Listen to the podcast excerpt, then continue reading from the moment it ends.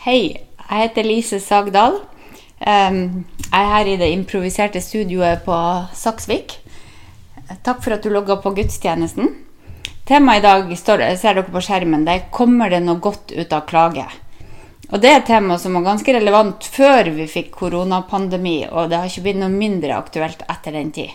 Så jeg håper det jeg skal dele med dere, kan være til nytte akkurat der du er, og sånn som du har det. Skal vi be. Kjære Jesus, jeg ber om at hver enkelt som hører på, må bli velsigna av deg. Eh, takk at du er her. Takk at vi kan få lov å leve sammen med deg. Amen. Jeg var i bryllup en gang, og da holdt pappaen til bruden en tale om, om dattera si. Mye fint. Og det var én ting jeg beit meg merke i. Han sa at da hun hadde gått på skole i USA, så hadde hun fått ei karakterbok der læreren hadde skrevet She is a non-complainer. She is a non-complainer. Altså, hun er ei som ikke klager. Når jeg hørte han sa det, så tenkte jeg ja, det er sant! Hun klager aldri. Og den neste tanken var sånn er jo ikke jeg. For tvert imot, jeg har lett for å sette ord på følelsene mine, og de svinger. De går opp og ned, avhengig av hva jeg tenker på. Og noen ganger med god grunn, sånn som i de dagene vi er inne i nå, men også ellers. Eh, det sies at noen har mye å klage over, noen finner mye å klage over, og noen klager faktisk nesten aldri. Kanskje for at de er mer optimistiske enn andre, men også kanskje for at de ikke har ord for det de tenker på og det de føler på. Og noen er òg veldig jevne i følelseslivet, sånn at det kanskje er litt ukjent det her med klage, fordi at de har det jo ganske greit. Og noen har ikke ord for det de føler, uansett hvor mye de tenker etter, men de har kanskje stemninger og musikk, musikk som resonnerer med følelsene deres. Så vi tok en runde i smågruppa vår for noen uker siden, og da skjønte jeg jo fort at det her med klage har folk et veldig forskjellig forhold til. Så la oss starte med det enkle. Klage kan komme av smerte og traumatiske opplevelser, sånn som korona. Men det kan òg være en reaksjon på gapet mellom forventningene til livet, altså det vi håper livet skal være, som dere ser oppe på skjermen her, og sånn som livet faktisk er der nede. Så dette gapet det kan handle om skuffelser, sorg, bekymringer Ja, egentlig kan det handle om alt mulig. Og det kan være stort eller ikke så stort. Ja, egentlig er det ikke så viktig hvor stort gapet er, for det som plager oss, det plager oss. Og det er Småting kan oppleves som store, og det er først når det blir verre at vi skjønner eh, at det ikke var så ille før. Noen av oss har kjent på det i det siste.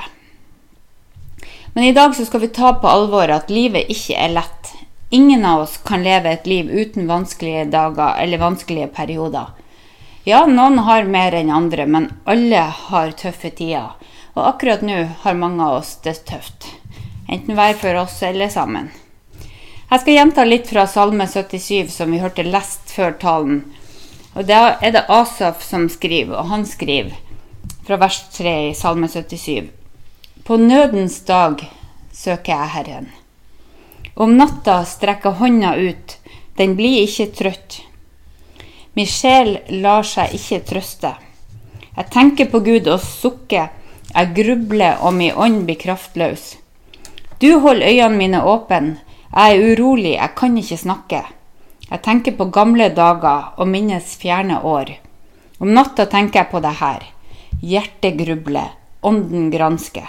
Vil Herren støte oss bort for alltid og ikke lenger vise godhet? Denne salmen er i bønn, en bønn full av fortvilelse, grubling, søvnløshet, kraftløshet, uro, og den har spørsmål som det her. Er du fortsatt god, Gud? For det føles ikke sånn. Kan jeg stole på deg? For det ser ikke sånn ut. Heldigvis har Bibelen mange sånne tekster som vi kan kjenne oss igjen i når livet er tungt og Gud føles langt borte, eller Gud ikke gjør det vi håpa han skulle gjøre. Når gapet mellom det vi håper på og det som er realiteten, er stort, da kan vi lære av Asaf. For det første så kan vi lese, lære at vi kan fortsette å snakke til Gud også når vi er fortvila og usikre på om vi kan stole på Gud. Vi kan fortsette å snakke til Gud også når vi er fortvila og usikre på om vi kan stole på Han. Og ja, det er vanskelig å be når vi tviler på om det er noen vits i å be. Det er vanskelig å be når Gud føles langt borte. Men det er gjennom bønna, ved å ause ut tvil og fortvilelse til Gud, at Asaf i salmen begynner å huske det han kan holde fast på. Gjennom klagen så lytter Asaf til sine egne følelser og spørsmål, så han går inn i sitt eget mørke, og mens han er der, så husker han det han vet er sant. Det han visste før nødens dag, i hvert fall. Og hvis dere leser Salme 77 en gang til, så ser dere at resten handler om hvor sterk Gud er, hvor trofast han er, hvor hellig han er, så Asaf han husker at Gud har gjort store under før. Han husker at Gud fridde eh, israelsfolket ut fra Egypt og leda de gjennom Sivsjøen på tørt land. Så mens han ber, så begynner han å huske det han hadde glemt. Så vi kan sammenligne det som skjer i salmen, med det som skjer når vi åpner øynene i et mørkt rom. Først når du åpner øynene, så, så ser du ingenting. Men hvis du holder øynene åpne i mørket, så begynner du å skimte konturene av det som er i rommet. Så når øynene venner seg til mørket, så ser vi mer. Så Asaf klager, han setter ord på fortvilelsen, og når han åpner øynene i mørket, så ser han ting som var skjult noen minutter før. Så punkt én var at han ber selv, selv om han er fortvila. Og punkt to er at han begynner å snakke til seg sjøl og fortelle seg sjøl det han vet er sant om Gud. Han snakker til seg sjøl om det han vet er sant. Og hvis du leser resten av salmen, så ser du at her snur salmen fra desperasjon til trøst og håp. Men hva med oss, for vi er jo ikke Asaf? Hva klager du over for tida? Lytt til din egen klage et lite øyeblikk. Du skal slippe å si det til noen, og du skal slippe å få tenke på det så lenge, men hva hva klager du over akkurat nå? Klage det gir oss et hint om hva som foregår inni oss. Men spørsmålet er jo hva gjør vi da med klagen? Og det er mange måter å snakke om det indre livet, eller det som foregår inni vår indre verden. Eh, det er mange måter å snakke om det på. og det er jo ingen psykologiforelesning, men jeg tror det er veldig nyttig å koble psykologi og teologi når det kommer til klage. I psykologien så finnes det flere teorier som handler om å dele opp det indre livet i ulike deler for å prøve å forstå hvordan det fungerer. Og En av de teoriene heter Internal Family Systems, eller IFS-teorien. Eh, ei som heter Alison Cook og har doktorgrad i psykologi, hun har skrevet en nyttig bok. Den har jeg her. Den heter 'Boundaries for your soul'. Anbefales. Den handler om å integrere tru og leve som hele mennesker sammen med Gud. Og hun bruker denne IFS-teorien som deler personlighetene i tre hoveddeler. Så hvis du tenker deg sjøl at du har en personlighet, og den består av tre hoveddeler, så er det ledere, de sårbare og brannslukkerne. Jeg skal si litt om hver enkelt av de. Lederne det er de delene av deg som får deg opp om morgenen, får deg i gang med skole eller jobb. Det er de som får deg eh, Som tar vare på deg, det er de som gjør deg trygg det er de som kan fortrenge vanskelige følelser, sånn at du får gjort noe. At, ikke, at du ikke blir overvelda av følelsene dine. Det er lederne. Og så har du de sårbare, og det er de delene som har det vondt. Det de, her kan du finne skam og frykt og traumer, ensomhet, tvil og sorg. Alle de her normale menneskelige følelsene som alle har, men som vi ofte undertrykker. Og så til slutt så kommer brannslukkerne. Det er de delene av deg som tar kontrollen når de sårbare, altså følelsene, slipper, slipper fri. Så brannslukkerne har som oppgave å distrahere deg, bedøve deg eller avlede deg. Og de bruker det som fungerer best for deg. Det kan være å se altfor mye Netflix, overtrene, overspise, overarbeide. Det kan være alle de der tingene som, som gjør at du ikke tenker på følelsene, og at du får de under kontroll et øyeblikk. Det kan være for mye dataspill, det kan være unødvendig shopping, og noen ganger kan det også være alkohol og medisiner. Kort sagt, det som fungerer for deg sånn at du kan rømme fra eller begrave de sårbare. Og Ellison Cook sier at en sunn person lærer å balansere de her tre. Altså lederne, de sårbare og brannslukkerne. De må balanseres. Så det finnes altså både sted og tid for de sårbare delene av oss, men de kan ikke få styre hele livet. Lederne og brannslukkerne sørger for det. Og så er det jo sånn at sårbarheten, hvis vi skal la den få komme frem, så kan den jo ikke betrus til alle. Kanskje med unntak av nå når vi er i en sånn felles krise der vi føler at vi er i samme båt og vi opplever noe av det samme. Men eh, vi skal huske at vi opplever ting forskjellig likevel. Det er ulike ting som tynger oss, og vi reagerer forskjellig. Så et generelt råd når det kommer til sårbarhet, så er at vi ikke vi bør dele den med noen få mennesker. Noen som vil oss vel, og som kjenner oss godt, eller som kan holde det du sier, konfidensielt. Det kan være en venn eller en mentor eller en sjelesørger. Det kan være ei smågruppe som kjenner deg godt og vil deg godt. Og Det som gjør det her litt vanskelig noen gang i kristne sammenhenger, er at sårbarhet og følelser kan være forbundet med skam. For mange kristne med, har høye idealer om hvordan vi skal tenke og hva vi bør føle når vi lever et liv i tru. Og så stemmer det jo ikke med realitetene. Vi sier f.eks. at vi kan stole på Gud og ikke være redd, og så kommer det en sånn trussel, sånn som den vi har nå med korona, og så er det jo ikke så enkelt. Når teori og realitet ikke stemmer, så det blir et gap mellom det vi sier vi tror, og det vi opplever. Da kan resultatet bli at vi skammer oss og prøver å skjule sånn som vi faktisk føler. Og mange av oss er også oppdratt til å tenke at hvis vi tror på Gud, og hvis vi ber, så skal, ikke, så skal ikke de negative følelsene være så sterke. Men så erfarer vi at selv om vi tror på Jesus, så blir ikke alt bra. Og da må vi huske at hele spekteret av følelser er normalt. Alle mennesker har dem. Hvis du leser evangeliene i, i, Bibelen, så ser du at Jesus han hadde hele spekteret. Ja, følelser fra sinne, glede, utmattelse til fortvilelse. Han måtte hvile for å få igjen kreftene, han måtte søke stillhet for å tjene folk. Han ble sint, han gråt, han var frustrert, både når disiplene ikke forsto, og da de ikke kunne holde seg våken den siste natta i Getsemane. Så Jesus, som var Guds sønn og levde som menneske på jorda, han hadde hele spekteret av følelser, og da kan ikke vi forvente å slippe unna.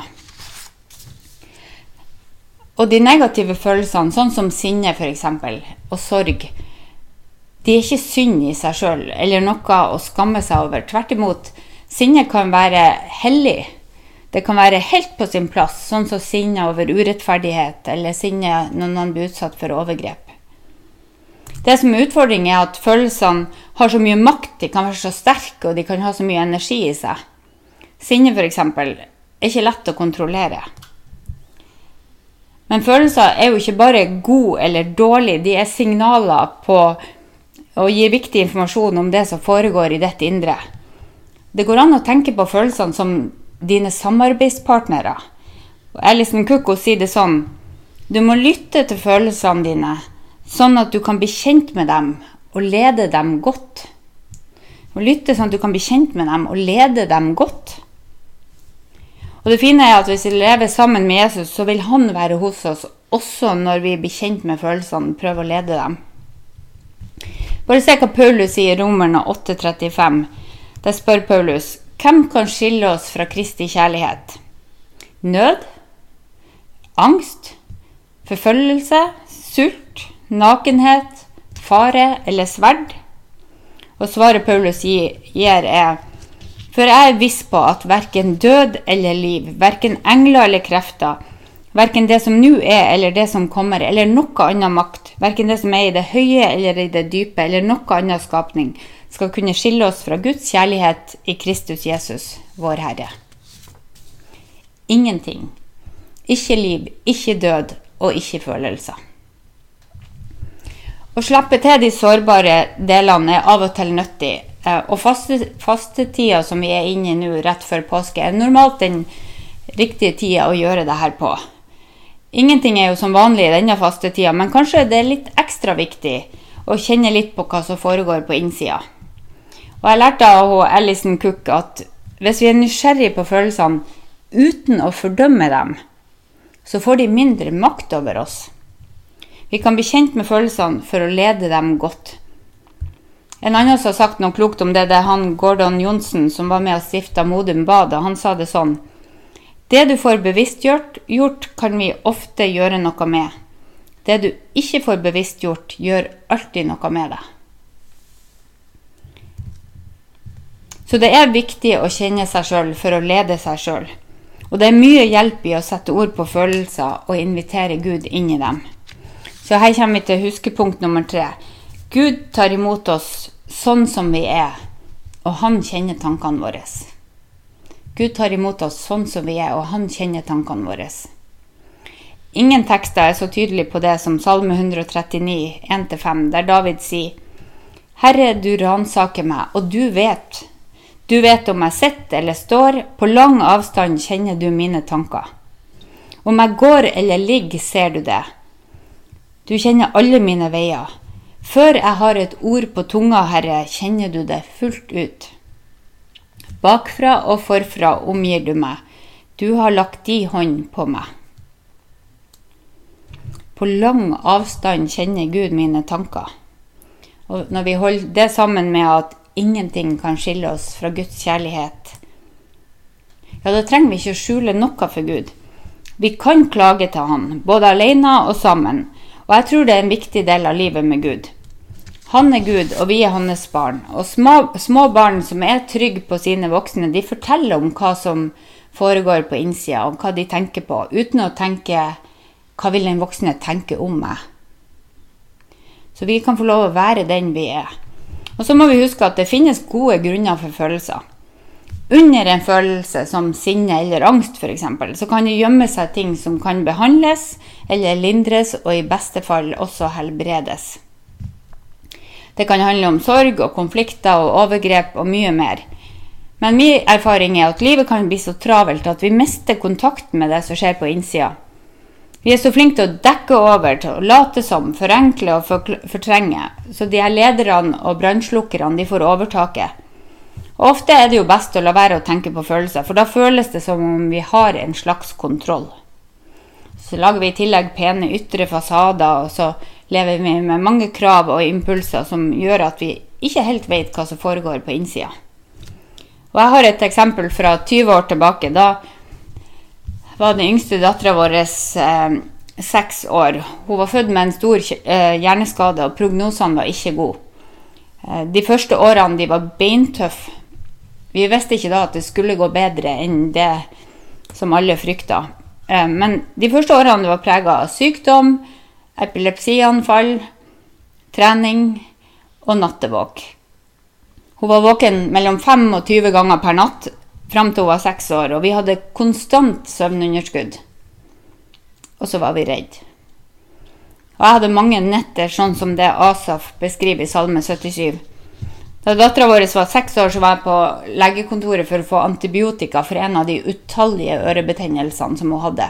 Og da jeg var på vei ut av døra med, med ungen på hofta, så stoppa fastlegen meg, og så sa han Lise, du trenger ikke være sint hele tida.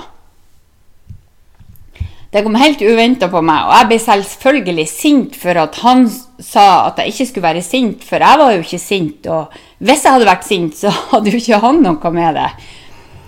Så jeg dro hjem og så fortalte mannen min hva legen hadde sagt, og så sa jeg Odd Jørgen, jeg er ikke sint hele tida. Sant, jeg er ikke sint hele tida. Og så sier han eh, jo, litt. Og det betyr absolutt 100% fulltreff. Han hadde helt rett, legen. Nå fikk du et glimt inn i min personlighet. Men den kommentaren til legen, du trenger ikke være sint hele tida, det ble en vekker for meg. Og det ble starten på en prosess der jeg måtte sortere mine egne følelser.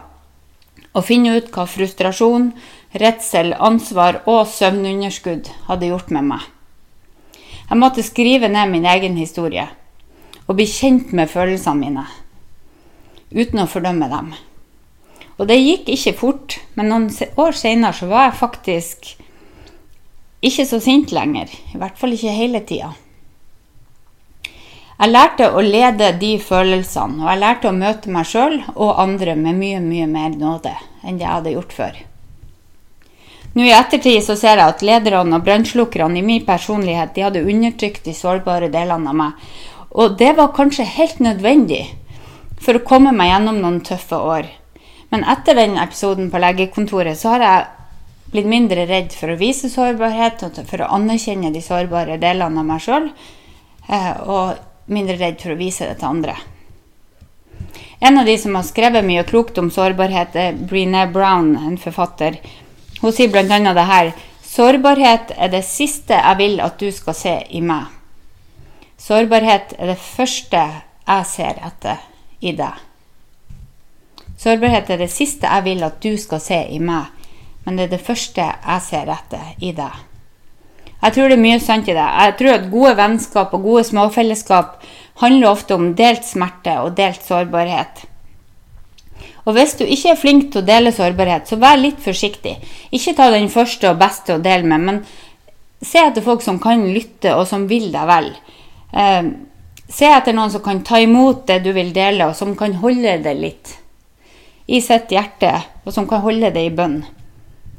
Og hvis du trenger noen til bare å lytte, så si at det er det du trenger, og se etter noen som kan gjøre det. Og i disse tidene så det går an å ringe og spørre kan du lytte, jeg trenger å klage. Per Arne Daland sier det sånn i et intervju. Når mennesker viser meg tillit og gir meg del i sin sårbarhet, krever det mot. Jeg kjenner hver gang at nå er jeg på hellig grunn. Dette må forvaltes ordentlig. For akkurat som det kreves mot å vise sårbarhet, så krever det modenhet og musikalitet å ta imot. Det er sterkt å få lov å være nær når noen deler, enten det er på telefon eller i samme rom. Og det er en veldig viktig rolle å være nær, for noen ganger trenger vi et vitne. Et vitne til det livet jeg lever, et vitne til den smerten jeg bærer. Vi trenger noen som kan være sammen med oss midt i smerten og i sterke følelser. Og ikke alle mennesker kan det. Men det hjelper hvis vi er litt tydelige på å si hva vi trenger. Spør en venn kan du lytte litt, kan du være her sammen med meg litt i stillhet og bønn. Og hvis du ønsker mer, hvis du ønsker innspill eller råd, så bare si det. Be om det du trenger. Og jeg tror det er mye trøst i å legge fram klage for et annet menneske som kan be for deg og be med deg. Paulus han sier det sånn i 2. Korinterbrev 1,4. Han trøster oss, altså Gud trøster oss i all vår nød, så vi kan kunne trøste dem som er i nød, med den trøst vi sjøl får av Gud. Kommer det noe godt ut av klage, var spørsmålet. Og svaret er ja, med mindre vi ender opp med å kose oss med klagen eller bruke den til å baktale andre. Klage kan føre til dypere kjennskap til oss sjøl og et dypere fellesskap med Jesus, som elsker oss høyere enn noen andre. Klage kan hjelpe oss til å vokse i tru gjennom nåden i Jesus. Så her er en kort oppsummering av talen. Punkt 1. Fortsett å be, også når du tviler og ikke tror at det nytter. Du kan alltid klage til Gud. Punkt 2. Snakk til deg sjøl om det du vet er sant om Gud. Også når det er mørkt og du bare skimter konturer av hva som er sant. Punkt 3. Husk at Gud kjenner deg ut og inn, og han tar imot deg med nåde og kjærlighet. Og punkt 4. Snakk om det sårbare med noen du kan stole på og være en som andre kan stole på. Og så husk at Jesus kan gjøre uendelig mye mer enn vi ber om og forstår. Jesus han kan fylle oss med fred som overgår all menneskelig forstand. Han kan gi visdom og innsikt og kraft. Det står faktisk at Jesus ber for oss. Også når vi er i krise. Ja, spesielt da, tror jeg. For det finnes ingen andre jeg heller vil ha med sida mi når det er tøft, enn Jesus, for han vet alt som er verdt å vite om det. Jesus sa, eh, Kom til meg, alle dere som strever og bærer tunge byrder, og jeg vil gi dere hvile. Dette er en fantastisk invitasjon fra Han som har overvunnet døden og åpna veien til et evig liv sammen med seg. Du er velkommen med hele deg og alle dine bekymringer til Jesus. Alt du trenger å legge av, alt du trenger å få ordna opp i, alt du trenger tilgivelse for, alt du trenger å få reparert i ditt indre. Du kan komme til Jesus med hele deg, alt som tynger deg, alle sukk, alle stønn, alle følelser og alle bønner. Og han som vet at vi blir bekymra for mange ting, og at livet kan være tøft, Han sier, Kom til meg, alle dere som strever og bærer tunge byrder, og jeg vil gi dere hvile. Til slutt skal jeg be en velsignelse over dere, og den kommer fra Romerne 1513. Må håpets Gud fylle dere med all glede og fred i trua, så dere kan bli rik på håp med Den hellige ånds kraft.